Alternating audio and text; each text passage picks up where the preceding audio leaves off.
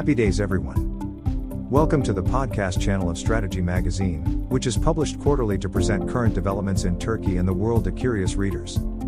The title of our news, in the 23rd issue of Strategy Magazine, is Turkish Entrepreneurship Sector Grows. Turkey embodies promising global breakthroughs in the entrepreneurship sector. Turkey is already one of the promising countries, with many startup initiatives for the future. Turkey is a marketplace and a creative environment for similar industries. When we look at the business from another perspective, we are currently circulating under $1 in terms of entrepreneurial investments per capita. This amount needs to increase to at least $10 and above for global competition. This means that more than $800 million is invested in startups every year. The way to do this is that there is a need for entrepreneurs who think more globally, and there is a need for more mutual funds to invest in these entrepreneurs who think globally. Turkey is a developing, dynamic, and innovative country. Our ability to adapt to the latest technologies, combined with our young population, creates an extremely favorable climate for entrepreneurship.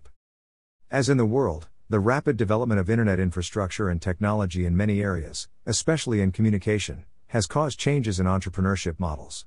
Many changes, such as the shift of the service sector to the internet, the importance of speed and personalization factors in this sector, and the fact that the value added factor took precedence over the price factor, transformed the entrepreneurship ecosystem in Turkey, and startups took the lead role.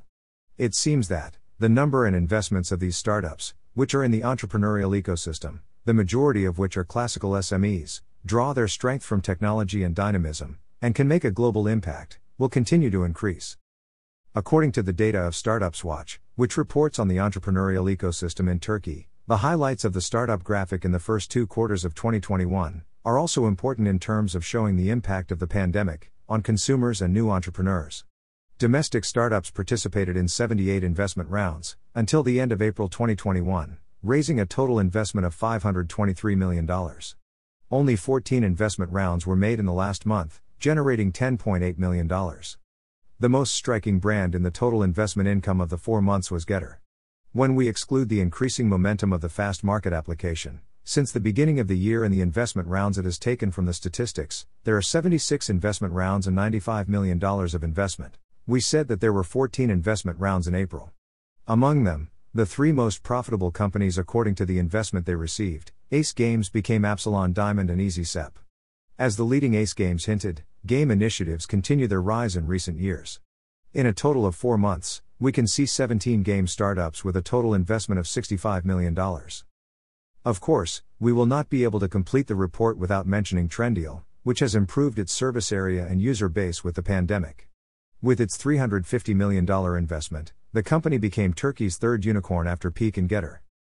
Some of our domestic enterprises are companies that keep their headquarters abroad. When we look at the first four months, we can say that 13 startups achieved $430 million. Only in April, five Turkish startups among them received a total investment of $84 million. Triple Dot Studios received the highest investment among them. Game developer Zynga has made its fourth purchase from Turkey by purchasing Izmir based Uncosoft through the Turkish startup Rollic, which it acquired last year. When we look at the funds established, we see that at the end of four months, five different funds, which we can list as ours portfolio Tnajirasum, Startup Fund, Deniz Ventures, Bilishim Vadisi Saif and 500 Istanbul, have created a total of $95 million worth of funds. You can also reach the printed publication of the Strategy magazine, which includes the article I just read, via the Turkcell Dergilik application or at akfen.com.tr. I wish you all healthy days.